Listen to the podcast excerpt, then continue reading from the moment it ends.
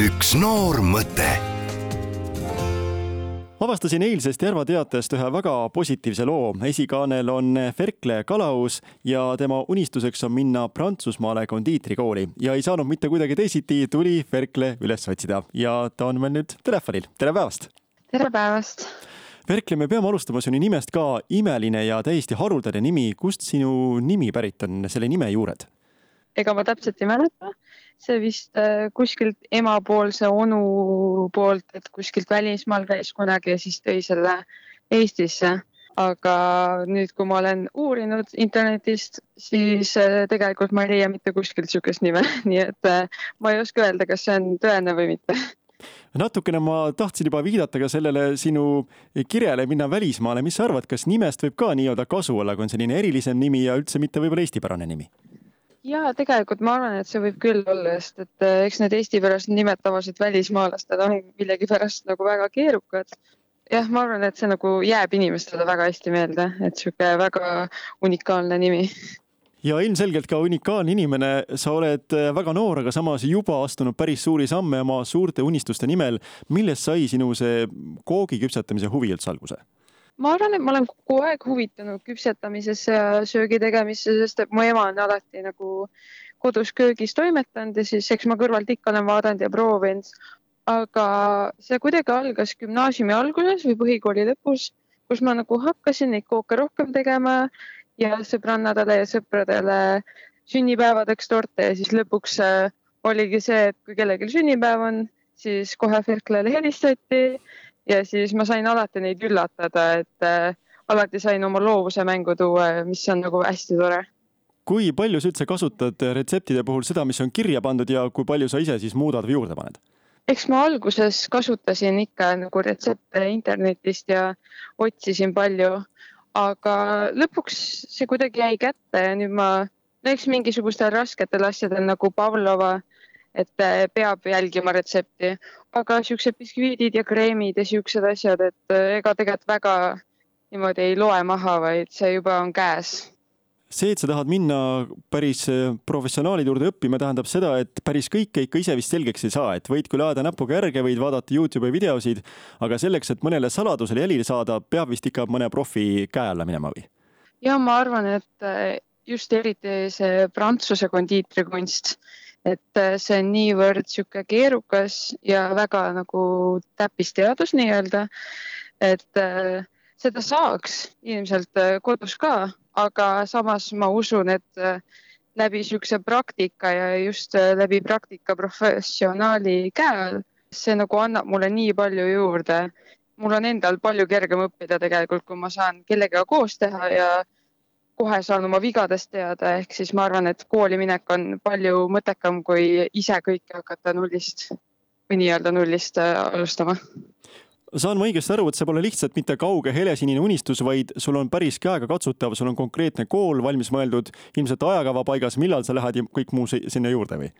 ja, mul on juba koht planeeritud sinna kooli, aga lihtsalt, et õppemaksud tuleb veel ära maksta ning igast erinevad üürid ja tervisekindlustused ja kõik need kooliga seonduvad lisatasud võib-olla natukene paotame seda saladust ka, mõeldes sellele, et Eestis on haridus, no vähemalt suures plaanis ikkagi tasuta ja ka ütleme näiteks kutseharidus võib-olla, siis millistest numbritest me räägime, kui tahad minna Prantsusmaale sellist tippkondiitri asja õppima? üldjuhul on Prantsusmaal väga kallid koolid, et ikkagist mitmekümne tuhande juurde, aga see kool, kuna ta on seitsmekuune programm, et ta ei ole nii pikk, siis äh, see programm maksab üheksa tuhat kaheksasada eurot. kui sa mõtled seitse kuud ainult, et, et siis see on ikka päris suur raha jah, et see on päris hull millisena sa Ferkle enda tulevikku näed, kas see tulevik võiks olla pigem Eestis või sa ei välista seda, et sa võib-olla jäädki pikemaks ajaks Prantsusmaale või, või saad mõne hea pakkumise hoopis võib-olla Belgiast või Saksamaalt või? Kohe peale ka selle Prantsusmaa kooli lõpetamist ma tuleksin Eestisse tagasi, sest ma tahan ka noh, Eesti ülikoolis käia. Eh, sest et ma väärtustan seda väga, et Eestis on eh, kõrgharidus on tasuta ja ma tahan selle kindlasti endale omandada. aga peale seda kindlasti alustan Eestis, aga kes teab, et võib-olla kunagi laienen ka välismaale.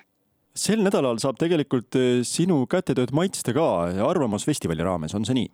on tõesti nii minu kohvik siis äh, asub äh, Paide gümnaasiumi külje all. meil on seal puidust trepid, seal on noorteala erinevate aruteludega. kohe, kui sinna kõnnita noortealale, siis seal on näha minu kohvikut. ja siin ilmselt ei peagi mitu korda küsima, iga sent kasumist tõenäoliselt läheb siis selle suure unistuse ja õpingute jaoks. tõesti nii on mida täpsemalt sa pakud, ma usun, et seesama Pavlova on kindlasti menüüs olemas, mis on veel sinu sellised firmamärgid, mis kindlasti saadaval on? kindlasti on Pavlova, šokolaadikook, klassikalisem biskviitkook. panen ennast seekord rohkem proovile ning teen ka makroone, profitoole ja ekleere milline võiks Ferkli olla sinu soovitus noortele, kes alustavad oma unistuste poole liikumist, milliseid samme astuda, mida karta, mida mitte karta? Endast kogemusest öelda, et ma väga kartsin ja ma pole kunagi varem tundnud, et ma nagu saaksin kuhugile poole nii tugevalt pürgida. aga lõpuks, kui ma nagu võtsin ennast kokku, ma ütleksin, et äh, kui sa väga midagi tahad, siis sa saad sellega hakkama, sest et sa oled iseenda kõige suurem nagu takistus, millest sa pead iseendast nagu üle olema.